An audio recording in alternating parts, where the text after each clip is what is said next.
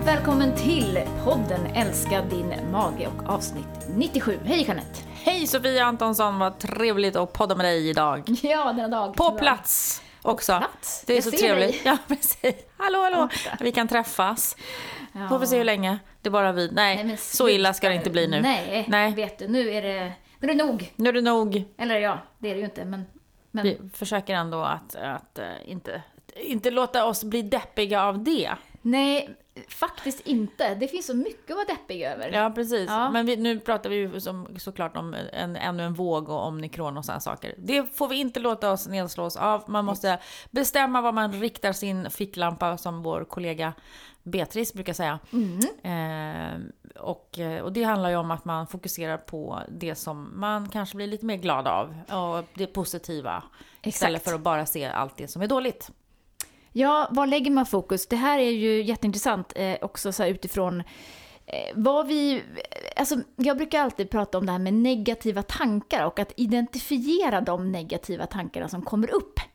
Vi brukar ju säga att 95% av tankarna du tänkte igår tänker du också idag. Precis. Ja. Och det kan då förstår man vad viktigt det är att man inte bara går runt och tänker negativa tankar.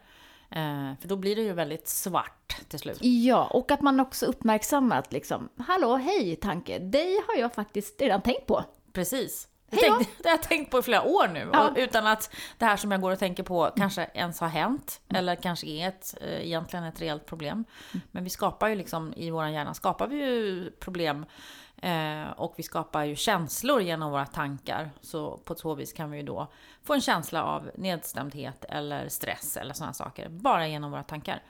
Nu kommer vi lite in på det här. Jag sa ju förra gången att vi skulle prata om depphjärnan lite mer, den här boken som jag började lyssna på. Men jag har faktiskt inte hunnit lyssna så mycket på den. Det har varit så stressande. Jag har varit så stressad och så nedstämd. Nej, det, det, tvärtom. Jag har haft roliga saker att göra. Ehm, inte så mycket, haft så mycket tid för att just lyssna på det. Men det ska jag verkligen göra.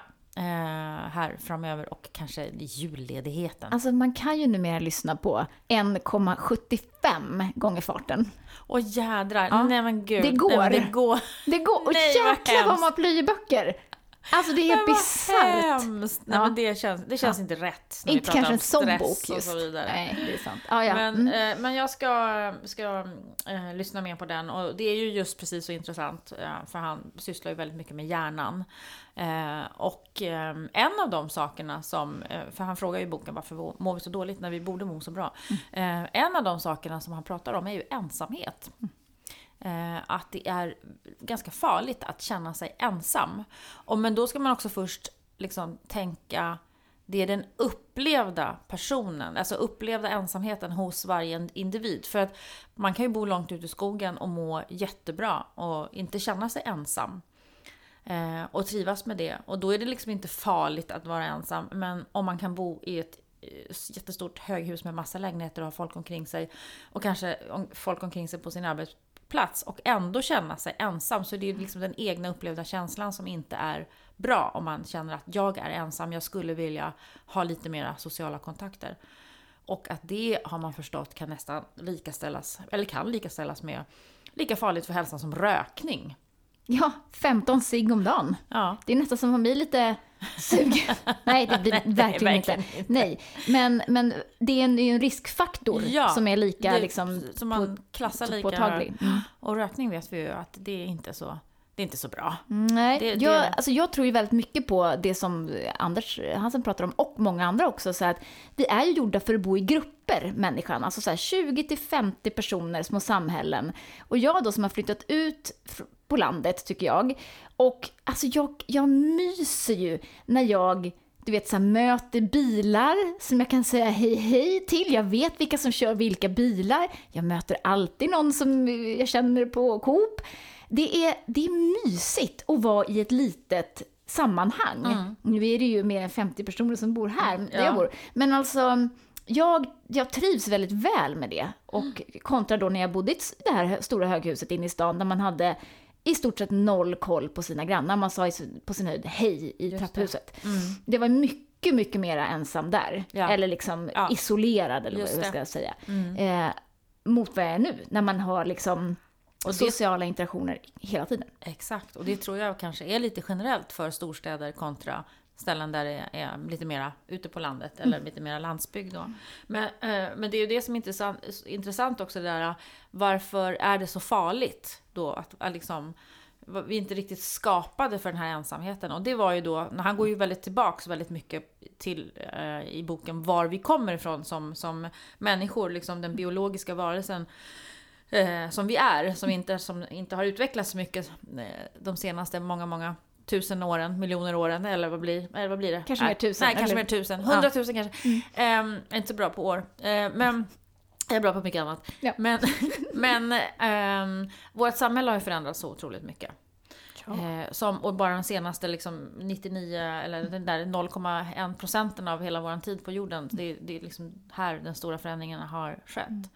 Eh, och han liksom, vi är ju liksom inte skapade att vara ensamma för vi överlevde inte som ensamma. Ensamhet tidigare i våra förfäders liv, det var detsamma som under, undergång. Det var lika mm. farligt som att inte ha vatten och mat, för man klarar sig inte ensam. Och då är det ju så att de som har haft en stark drift att ha liksom eh, sociala band till andra och läsa andra socialt, det var ju de som liksom överlevde.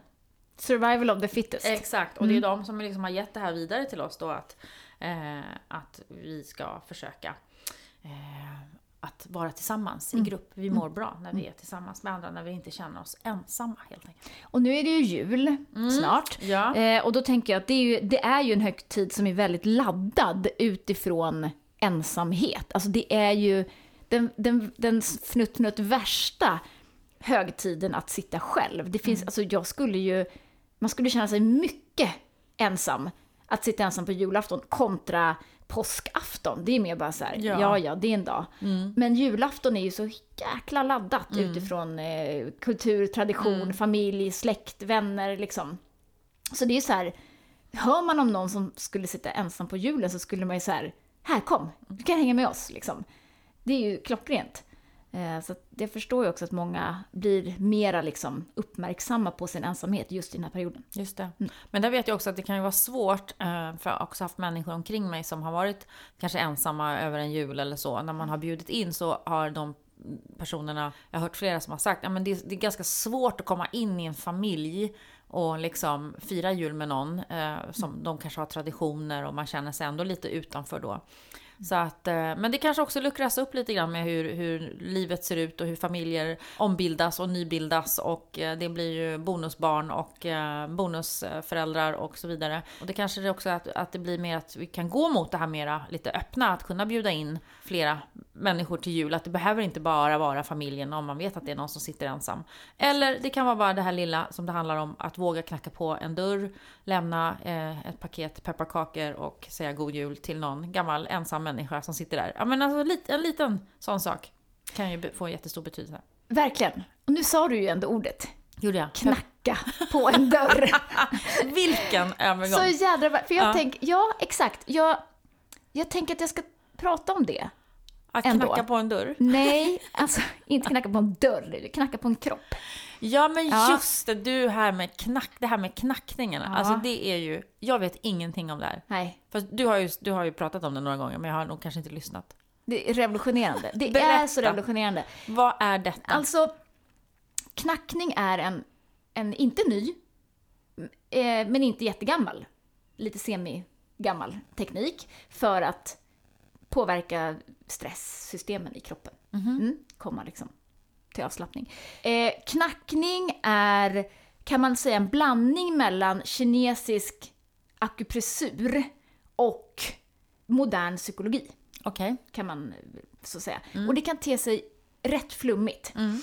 Och ändå så har jag rekommenderat ganska många av mina, av mina patienter att prova knackning. Mm. Och det är ganska många som kommer tillbaka till mig och säger att alltså det där var ju, det där var ju sjukt häftigt. Ja. Det där var ju effektivt. Okej. Okay. Ja, och det är ändå, jag vill inte mena att jag alltid går igång på quick fixes, men ganska ofta. Ja. Men, men ja, du gillar ju saker när det går lite snabbt ibland. Ja. Men, och resultat tycker du också om Exakt. att se. Mm. Men innan du förklarar liksom djupare, kan du bara så snabbt bara liksom försöka beskriva vad liksom själva knackningsmomentet, hur, hur det är, hur det går till? Alltså knackningen är ju egentligen en, en aff affirmation kombinerat med eh, akupressur. Så att man har då ett antal, eh, förlåt, ett antal punkter på kroppen som är akupressurpunkter som kopplade då till olika meridianer. Så då har man då på huv- uppe på huvudet, mitt på huvudet och så har man mellan ögonbrynen, nu visar jag Jeanette här alla ni som inte kan se det här. På utsidan av ögonen, under ögonen, under näsan, under munnen på hakan, på nyckelbenen och på sidan av liksom typ bh-banden. Ja, det är de nio punkterna. Och så har vi då karatepunkten som är precis på sidan av handen. Just det. Mm. Och här börjar man alltid knacka. Och du, nu när du gör det här, så du knackar ju liksom med dina fingrar bara på så här. Eh, så slår du lite lätt. Precis. Ganska snabbt så. Ja, och duk, jag är ju duk, ganska snabb så att jag, jag kan inte säga hur snabbt man ska Nej. slå, men jag snår säkert alldeles för fort. Liksom utifrån. Ja, man kanske Snabbt resultat. Precis. Men i alla fall, så då knackar man på de här punkterna i en bestämd ordning och då börjar man alltid, alltid att fokusera på ett problem, en ångest, en oro, en konflikt, vad det nu är för någonting. Det här kan liksom användas till allt möjligt. Det kan vara så att du har problem att somna in. Det kan vara problem att du har liksom en racing mind, du inte får tyst i huvudet. Eh, och det kan vara då framför allt mycket kopplat till ångest och oro. Ja. Generaliserat ångestsyndrom har man gjort mycket studier på. Också på posttraumatisk stress, Okej. krigsveteraner. Mm, mm. Så man kan säga att det här är nästan som att programmera om hjärnan. Mhm. Det är så häftigt. Så då knackar man först på den här karatepunkten och så Mm. säger man då för sig själv eller då en ledd meditation, en knackningsmeditation. Jag gör bara ledda meditationer för jag har Mm. så svårt att liksom hitta på såna här grejer själv. Eh, och då fokuserar man på en, en tanke eller en, en, eh, någonting man liksom vill, som man mår dåligt av. Eh, och så följer man ett visst mönster då som den här personen, eh, i det här fallet en app som jag använder mig av, som jag ska prata om. Eh, och så knackar man då igång på de här punkterna. Och så tänker man på liksom det negativa, börjar man med. Hur får den här tanken eller osämjan mig att känna? Hur blir det för mig? Hur känns det i kroppen? Så man verkligen så går in fullt i den här känslan. Och sen börjar man då i en bestämd ordning knacka på resten av punkterna när man säger vissa saker. Och på det här sättet så får man då kroppen, kan man säga, eh, det skickas då lugnande signaler till amygdala. Känner du igen den? Mm, den känner vi tror igen. vi har pratat Ja, lite om den den tidigare. tror jag också. Eller? Ja, precis. Våran fight and flight Exakt. center, eller vad man ska kalla det för. Ja. Amygdala är ju liksom rädsla. Mm, primärt. Och det är det som drar igång stresssystemen. Så att knackningen här signalerar ett lugn och talar om för kroppen att det är lugnt. Du kan slappna av. Det är Precis som långa djupa andetag. Lite så. Ja. ja men verkligen. Som vi har pratat ganska mycket om Ja. att göra. Mm. Ja, men visst. Så att det här är ett sätt att egentligen eh, eh, kan man säga aktivera det parasympatiska nervsystemet och slå av fight or flight. Precis som om man mediterar eller gör långa djupa andetag eller någonting sånt. Bara det att det här, det känns som att det går snabbare, man får liksom instant response. Det tar 10 minuter. Så har du gått igenom det här och kan känna efter att ja, när jag tänker på det här så, så känns det faktiskt inte lika jobbigt längre. Så att Det- först så tänker man på den här jobbiga saken, situationen eller känslan man har. Och sen så börjar man den här knackningen och då finns det liksom, följer man ett, ett, ett mönster och säger saker in, in i sig själv liksom medan man knackar. Och sen så är liksom programmet färdigt efter 10 minuter Mm. och så känner man sig, mår man lite bättre efteråt. Exakt. Mm. Man har inte lika mycket ångest förknippat till något specifikt Okej. som man har knackat på helt enkelt. Men då kan du använda det i stunden, just om du känner det här var jättejobbigt, nu sätter jag mig och knackar. Eller kan du också använda det då så långsiktigt, den här grejen skulle jag vilja bearbeta. Och så kanske man måste göra det flera gånger då, många Mm. Ja. gånger. Ja. De, när man har forskat på det här så har man använt sig ofta av knackning i kanske till exempel en timme. Och allting som man har gjort då i forskning är ju utvärderat ofta mot någon annan metod. Till exempel då psykodynamisk terapi eller eh, kognitiv beteendeterapi. Så att man ställer det mot andra typer av psykologisk behandling. Okej. Eh, och man har ju fantastiska resultat. Så det finns alltså en del forskning på det här? Jätte, jättemycket. Så det är inte så flummigt som, som vissa tror? Nej! Och det låter helt sjukt, man ska sitta och knacka. Men grejen är att när man, man får den här appen då jag har, där ratear man. Ja. Först hur mycket liksom ångest har du kopplat till, till det här. Så får man ratea då 9 av 10 till exempel. Och sen så så här, okej men nu är vi klara, hur mycket ångest känns, eller hur känns det nu? Och då är man ju alltid nere på en lägre siffra. Alltså alltid. Obehaget i kroppen, det minskar liksom påtagligt. Det är så Ja, det är jäkla häftigt. Och de har ju gjort eh, mycket forskning också. Eh, man ser att kortisolet sen kan man sänka med upp till 43% med knackning. Och då är det ganska lite knackning som ska till. Alltså här, här i nuet så kan man ju liksom få den där sänkta stressresponsen så att kortisolet eh, s- eh, minskar. Eh, som sagt, eh, veteraner med posttraumatiskt stresssyndrom minns, påvisar betydligt mindre symptom efter bara några veckor med knackning kontra då en mycket längre period av kognitiv beteendeterapi. Och knackningsresultaten håller liksom i sig. Mm. Så det är nästan som att ja, men det är någon form av så här omprogrammering av hjärnan. Det är så häftigt. Ja. Det är så Det jäkla är häftigt. verkligen, jag ser din entusiasm Ja. också när du beskriver det här. Jag förstår att du också du har provat själv. Såklart. Jag gör det här nästan var, varje dag. Ja. 10 minuter. Ja. Eh, och den här appen som jag har heter The Tapping Solution. Ja, knackningslösningen. Mm. Ja. Ja, det finns också svenska, svenska program, men de- det finns inga appar. Och eh, ja, den här kan man göra gratis. Alltså man kan ladda ner den och så har de en, en knackningsmeditation som heter Releasing Anxiety. Mhm. Så den kan man göra gratis. Mm. Och det är egentligen, om man ska vara lite krass, det är ju egentligen den som... Som de flesta behöver. Exakt. Ja. Så då kan man köra den. Ja. Rädsla, lite sådär- oro, ångest Ja. liksom. Lite. Mm. Precis. Ehm, och liksom uppmärksamma, hur känns det i kroppen? Mm. Liksom, hur får det här mig att känna? Tut, tut, tut, tut. Eh, och sen så finns det massa andra olika knackningsgrejer om man betalar för den appen. Mm. Men, men som sagt, det är supereffektivt. Och jag tycker ofta att det har varit svårt liksom att, att rekommendera patienter att ja, men nu ska du göra medicinsk yoga eller du ska komma igång och meditera för att det är för, alltså för många är det så abstrakt och så långt borta och så stort så att det är så här, ja ja, men det där tar jag sen.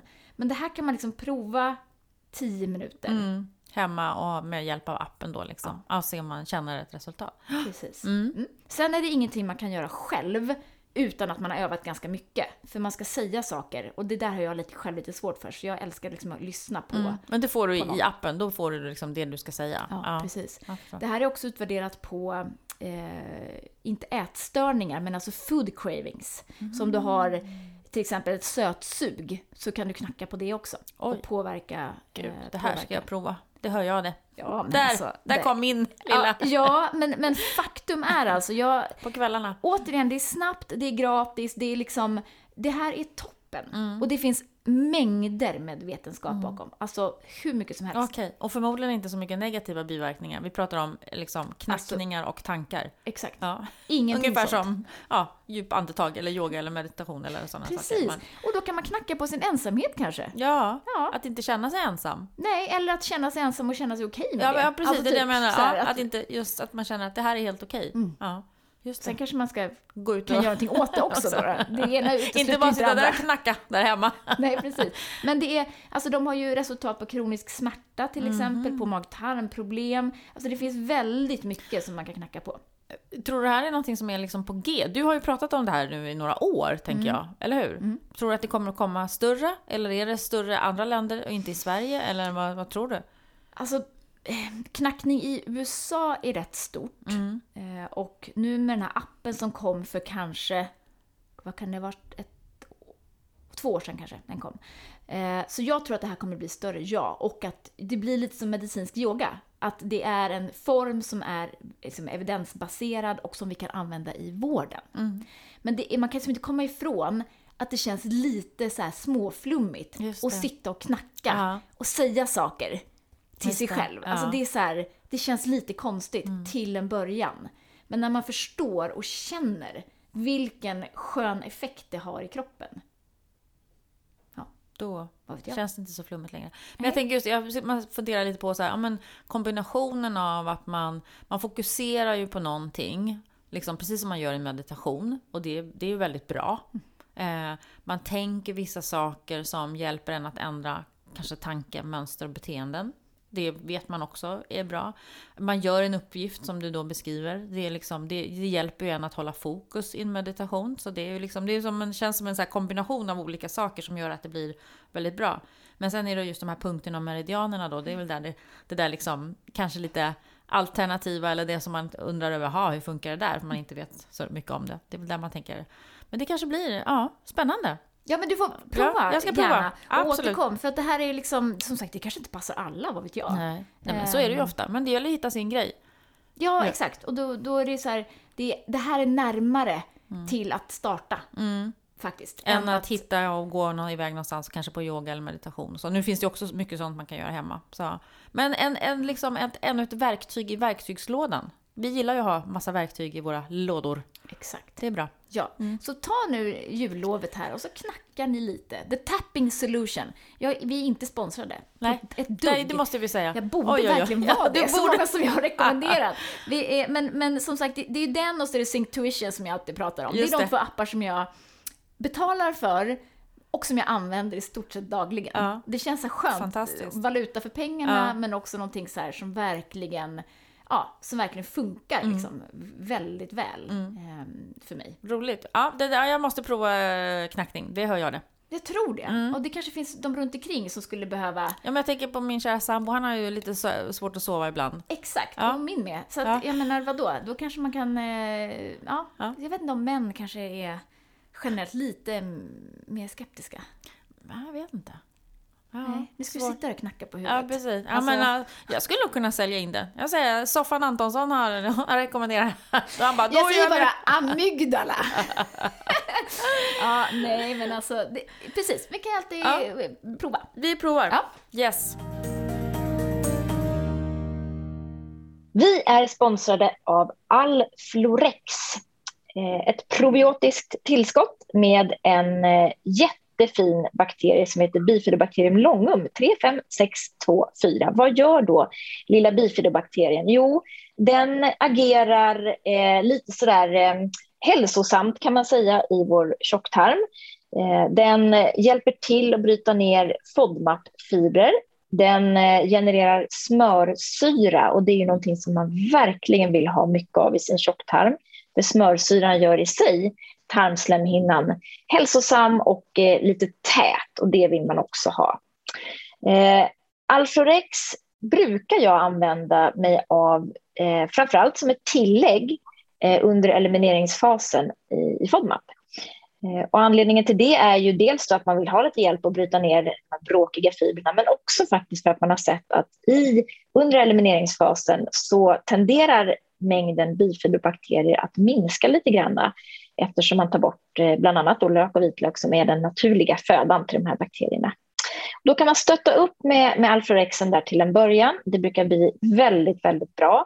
Eh, och Alforex tar man en kapsel per dag och gärna med mat eh, till frukost. Eh, och då får man ännu mer gärna ta den med lite fil och yoghurt. Då har man sett att överlevnaden av bakterierna är extra bra. Så alla ni som vill testa Alforex eh, tar ni och köper och så lägger ni till en per dag och så kan man utvärdera efter minst, skulle jag vilja säga då, fyra eh, veckor, gärna åtta, eh, hur man tycker att det fungerar. Från det ena till det andra. eller, eller Hade vi... dina barn kolik när de var små? Nej, vet du vad? Jag har haft sån tur så jag har haft barn som inte har gråtit särskilt mycket som små. Men de sov heller inte. De var inte så här sjusovare som andra unga var. Eh, Så jag, det var ändå ganska mycket vaket på nätterna kommer jag ihåg. Eh, Och hade man tur så fick man väl en halvtimme på dagen lite då och då. Så andra barn som sov så här, ja men hon har sovit i två och en halv timme. Man bara, skjut mig. Min unga har Du har precis bryggat kaffet och så bara... Men kolik slapp jag från. Du då? Ja. Nej, men eh, det har inte jag heller haft. Eh, inget av mina barn har eh, varken haft särskilt ont i magen. Fil- Fille hade ju faktiskt, om jag får outa min egen son här, han hade ju eh, lite, lite för snabb mage när han var liten. Mm, tyckte jag ibland sådär. Men, eh, men eh, inga, absolut inga magproblem så, utan eh, Men man förstår ju när man hör och läser, och, eller om man också har upplevt då någon som har ett barn som har kolik, vad fruktansvärt jobbigt och stressande det kan vara. För föräldrarna och stackars barnet också. Ja. Men den här gråten som är konstant och väldigt lång tid, äh, det måste vara så jobbigt. Ja, nej, men det blir som handikappande för man vet att det kommer ju oftast på kvällstid. Det brukar ju komma, komma där runt typ sex veckors ålder är väl då de flesta liksom på, påbörjar sin kolikkarriär. Och det, då är man ju ganska nybliven förälder. Det skulle bli så här, det skulle vara fint och fluffigt och härligt och så bara, nej. blir det bara skrik. Bara gråter de. Mm, mm. Men då, då, historiskt sett inom vården eh, så har väl vi ändå rekommenderat mammor med kolikbarn att man kan försöka reducera då gasbildande livsmedel i kosten. För att det, och det var faktiskt en eh, sak som jag eh, eh, hade med min son. Att vid ett par tillfällen eh, när jag ammade honom så åt jag vitlök. Och då kräktes, han kräktes aldrig. Alltså jag hade så, väldigt lite kräks. Men då var det helt galet. Okej. Och det var vid ett par tillfällen när jag Ja. hade ätit vitlök. Ja, Det var helt vansinnigt. det gillade inte han. Nej. Nej. Det gjorde han inte. Och då kan man ju fråga sig, då har vi ju sagt ta bort gasbildande livsmedel. Och då har man ju automatiskt tänkt att för att fibrerna i de här livsmedlen, Går som vi nu i- vet, ja, är Går över i modersmjölken. Ja. Men så är inte tillfället. Nej. Riktigt så i alla fall. Nej, De påverkar Precis, på något vis. på något vis. Mm, som vi inte vet. Sammansättningen och beståndsdelarna i bröstmjölken verkar påverkas av den kosten då eh, som, som mamman äter. Men inte av själva kosten utan det man tror är ju att det är tarmbakterierna hos mamman som förändras när man tar bort de här gasbildande livsmedlen, till exempel då FODMAP-livsmedel. Eh, Och därför har man nu gjort ganska många studier på låg FODMAP-kost och kolik med fina resultat. Just det. Mm. Och då är det ju, vad jag förstår, inte så att mammorna nödvändigtvis behöver ha IBS. Utan det handlar om först och främst att man har barn som har kolik. Och då får man äta en låg FODMAP-kost. Just det. Och- Men det är ju lite alltså, tillbaks till de råden ändå. Så här, ta bort det som bildar gaser. Och det är ju hög FODMAPs livsmedel som vi vet som bildar de här gaserna. Så att eh, ja, det är ju, it makes sense. Make sense. Då har vi egentligen ytterligare ett område. IBS, IBD, endometrios och kolik. Kan vi lägga till våra liksom FODMAP, eh, vad ska man säga, eh, de behandlingsbara tillstånden eh, för FODMAP. Precis. Det är ju väldigt intressant. Ja. Eh, så att det man har sett då, då det är ju att eh, so sovtiden har ju stabiliserat hos barnen bland annat och skrikighet, antalet timmar med skrik, har ju eh, minskat. Föräldrarna har ju också mått bättre. Stress och ångest hos föräldrarna har inte helt oväntat då ehm, eh, minskat eller stabiliserats med FODMAP-kosten. Eh, och eh, det intressanta var ju också att eh, även om man tog bort laktos, eh, som, en, som ju är en FODMAP, så minskade inte mängden laktos i bröstmjölken. Den var stabil. Mm. Så den har naturligt mer laktos. Eh, har ingenting att göra med mammans laktosintag då uppenbarligen. Just det. Mm. Eh, Så det här tycker jag ändå är lite, lite intressant och som, som du var inne på, det är ju tråkigt och stressande och väldigt handikappande som förälder att ha ett barn som skriker mycket. Ja, verkligen. Och man vet har, har ont i magen. Mm. Det blir ju jobbigt. Så är det. Apropå ont i magen då, om vi ska ha en nästa övergång till nästa lilla ämne som vi rundar av med. Om du Just var det. färdig där. Jag var färdig. Ja, Mm. det är ju att julbordet närmar sig med stormsteg. Ja. Och då brukar vi ju alltid ta en liten runda med julmat. Vad kan man äta? Eh, låg FODMAP julmat. Eh, och det första rådet tog det ju ändå alltid vara ät inte för mycket. det är liksom där vi hamnar ju väldigt lätt vid jul. Och för en känslig mage är ju det extra besvärligt. Planera kanske lite mera, vad är det verkligen som är dina saker som du väldigt gärna vill äta? Eh, ät långsamt, tugga ordentligt, försök att sprida ut godsakerna. Eh, är väl liksom nästan nummer ett råd skulle jag säga.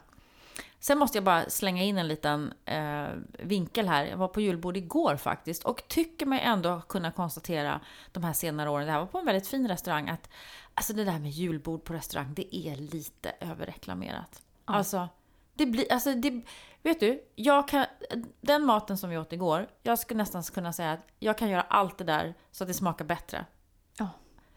Det var inte riktigt sådär gott. Och det blir liksom lite rörigt och geggigt och mycket, hur liksom fint det än ska vara. Nej, det är inte, jag måste bara konstatera det. Ja. Jag sparar mig till min egen, eller våran egen julmat på juldagarna. Jag tycker nästan det är det bästa. Alternativt skaldjursjulbord. Ja, Alltså, visst var det vi som var på det? Ja, det var det ju. på när då? Det var några år sedan. Ja, Ja, det var ju på skaldjursjulbord på um, Risen? Ah, Ja, Ja, någonstans. någonstans. Du har Ja. glömt bort. Jag har inte inte glömt bort. Men alltså, det är ju fantastiskt. Mm. Men det är nästan så att man håller på att, ursäkta, Då kan det bli kräkas när man går av det. därifrån. Ja. Ja, precis. Nej, men det är ju speciellt med julen. Men om vi ska då prata lite låg FODMAP då. Så det här med, för, ja, först och främst då kanske att välja sina godbitar, vad man vill ha. Det går ju att göra mycket utan lök. Man kan göra köttbullar utan lök, man kan använda lökolja, man kan använda eh, den gröna delen på salladslök om man vill ha lite i, i sina köttbullar. Man kan som oftast äta sill utan problem. Eh, låt lökbitarna kanske ligga. Potatis går jättebra. Man kan göra Jansson som smakar alldeles utmärkt med eh, um, tidigare nämnda gröna del av eh, purjolök eller vårlök. Lite lökolja, eh, laktosfri, grädde, eh, mjölk. Skinkan brukar ju gå bra. Eh, den lilla paneringen, om man är väldigt känslig kan man ju ta bort den, men de flesta klarar ju av det. Um, grönkålen vet vi ju, är, fungerar alldeles utmärkt. Rödkål som man, man tänker sig rödkålen som man köper till jul, man kan ju prova lite grann av den, tänker jag. Ja, se- den, den, den är ju liksom syltad och vad det nu är. Eller, ja, ja. absolut. Eh, vad har vi mer? Ägghalvor går ju bra. Lax går bra. Eh, ja, absolut. Mm. Så det är ju mycket på julbordet som går, går att äta. Mm. Det är väl mest så röror och, och sånt som är hop, hopgeggat. Mm, precis. kanske är lite jobbigt. Och allt, som du säger, blandningen. Sött, salt, fett, alkohol. Mm. Mm. Det kanske Det liksom... brukar bli lite jobbigt för en Mm. känslig mage. Vi har ju alldeles eh, utmärkta recept på, i våran, på julrecept har vi ju. Ja. Det brukar vi alltid. Ett helt häfte. Ett helt häfte, precis. Ja. Mm. Så det finns att tillgå på våran, i våran app. Om man vill, behöver sådana. Mm. Vad kan vi mer säga om julen? Eh, Sitt inte ensam. nej, se, se, se, Känn- antingen sitter du ensam eller så röker Men du. känn dig ja. inte ensam. Nej, Nej. känn dig inte ensam och gå en promenad. Alltså det tycker jag alltid ja. är så nice. Så att man inte bara flyttar sig mellan liksom matbordet, soffan och så tillbaka till matbordet och äta ännu mer. Utan eh, gå en promenad mellan, Ja. eh, mellan eh, julbordet och gröten. Och risgrynsgröt går ju alldeles finfint. Den finns ju laktosfri. Det är ju gott alltså. Mm. Ja, men man gör själv ja. Ja, precis. Det är så gott. Ja, köp inte den där i, i rör. Eller vad heter det? Korv. Eller plast. Det kan man ju också göra om man... Ja, det är klart Den, man den kan. är nog inte världens tillsatsbomb. Nej, men den brukar vara rätt söt tycker jag. Det är sant. Ja, Det är sant. Det är nästan godare än den här lite saltare tycker jag. ja Den här precis. gröten. Ja. Och så kan man ja, lite saltgröt och så kan man hellre ha lite socker och kanel på då själv liksom i lämplig mängd. Verkligen. Eh, och sen alla godisar. Eh, knäck går ju att göra utmärkt eh, enligt FODMAP också. Eh, kola eh, och eh, lussebullar och pepparkakor finns ju glutenfria. Eller använda dinkelmjöl. Exakt. dinkel. Går ju bra. En låg FODMAP. Det är faktiskt väldigt bra att baka lussebullar på. Mm. Eh, och sen eh, alkohol, alltså bubbel, eh, jag menar julmust och öl kan man bubbla ur lite grann också. Det brukar gå fint i lite mindre mängd. Ehm, Mm. ja, typ så. Typ så. Ja, och Ja. jag tror att alltså förr i tiden, om jag får vara lite utifrån eh, liksom mig själv och min egen släkt, Mm. så var det ju så att man åt liksom julbord ehm, och sen dagen efter åt man resterna och eh, annan dagen åt man ännu mer rester och så höll man på liksom att hala fram det här Mm. liksom fram och tillbaka. Som du säger, det kanske räcker med liksom ett riktigt gott julbord och sen Mm. är det bra. Sen säger jag inte att man ska slänga resterna. Nej, men man kanske ska laga mindre mat och man kanske ska ha mindre liksom, valmöjligheter på julbordet. kan man ju hellre laga lite färre saker, men riktigt goda saker. Och har man saknat något så kanske man kan laga det ett par dagar senare då. Exakt. Mm. Ja men verkligen så. Ja, nej, men det går att göra, göra mycket, mycket göttigt. Ja. Det gör det faktiskt. Och just att lätta upp det med lite goda grönsaker, grönkålssallad som vi alltid tjatar om, men det är ju underbart på julbordet. Ehm, eller andra kålsorter som funkar, och, eller rotfrukter. Så. Man lättar upp det lite grann. Ja, lätta upp och så lite mera färg. det här liksom brungråa.